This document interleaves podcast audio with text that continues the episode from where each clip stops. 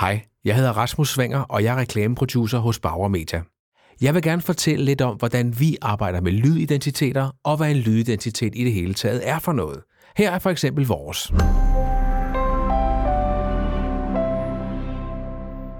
Kort fortalt kan man betragte en lydidentitet som et logo i lyd, eller et lydlogo.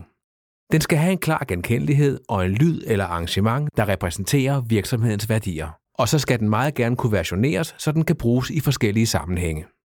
Lad os prøve at følge en lydidentitets tilblivelse fra første brief til færdig lydidentitet. Lad os sige, at vi har en landsdækkende kæde af guldsmede. Vi kan kalde dem for danske smykker. Danske smykker repræsenterer stolte traditioner og solidt håndværk. De udspringer fra Danmarks ældste guldsmede og vil gerne have et troværdigt udtryk, der signalerer tradition og fornyelse, som de selv siger. Lydidentiteten skal kunne bruges som payoff i reklamer i radio, tv og digitale medier.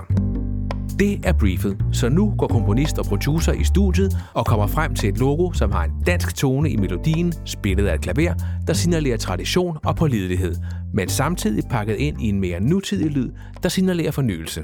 Det lyder sådan her.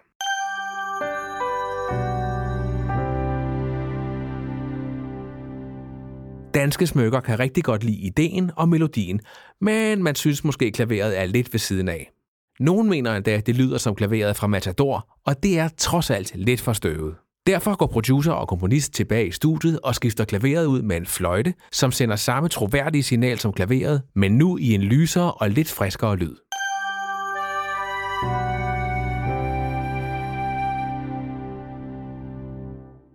Nu er danske smykker glade, og man beslutter at få produceret et helt lille stykke musik som underlægning til f.eks. reklamer og telefonsystem.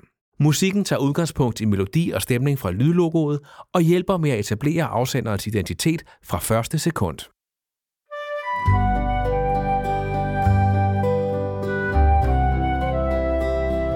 Her kunne man så have et salgsbudskab i en radioreklame, eller Tak for dit opkald. Vi vil besvare din henvendelse hurtigst muligt. Du er nu nummer 3 i køen.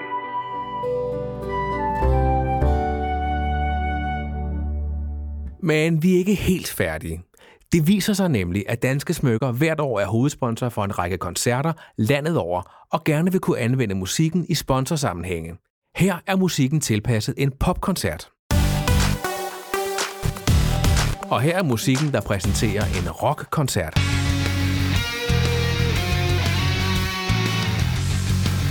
En jazzkoncert.